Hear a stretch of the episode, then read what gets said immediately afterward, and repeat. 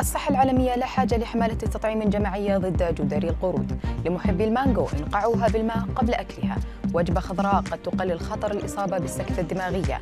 أبرز أخبار الساعة الأربع والعشرين الماضية في دقيقتين على العربية بودكاست. قالت منظمة الصحة العالمية إنها لا تعتقد أن تفشي مرض جدري القرود خارج قارة أفريقيا يستدعي إطلاق حملات تطعيم جماعية. لكن المنظمة في الوقت نفسه أشارت إلى أن الإمدادات الفورية من اللقاحات ومضادات الفيروسات محدودة نسبياً. ووفقاً للمنظمة فإن الإجراءات الأساسية للسيطرة على تفشي المرض تتمثل في تتبع الاتصال وعزله. لكنها حذرت من جانب آخر من أن اللقاحات المستخدمة لمكافحة جدري القرود قد تحمل بعض الآثار الجانبية الخطيرة.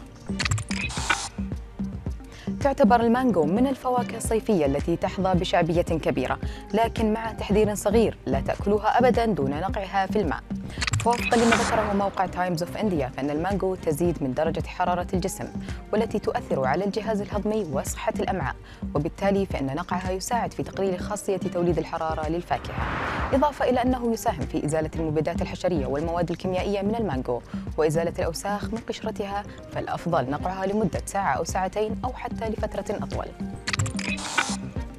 وجد باحثون أن الزيتون يمكن أن يكون فعالا في تقليل خطر الإصابة بالسكتة الدماغية وفقا لبيانات منشورة في مجلة ليبيدز and Health and Diseases حيث وجدوا أن الزيتون يقلل من خطر الإصابة بالسكتة الدماغية وهذا لأنه يحتوي على مستويات عالية من الدهون الأحادية غير المشبعة وبالتالي يمكن لها أن تقلل المخاطر العامة للسكتة الدماغية والوفيات وأمراض القلب والأوعية وأيضا من مستويات الكوليسترول الضار.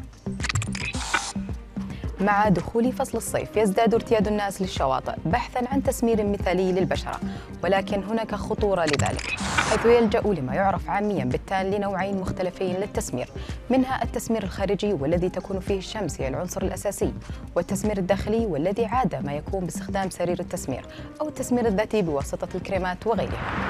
وجميع تلك الطرق ممكن أن تسبب تحسس الجلد وسرعة شيخوخة الجلد وتضرر العينين والإصابة بسرطان الجلد لذا ينصح باستخدام واقي الشمس أو التقليل منه.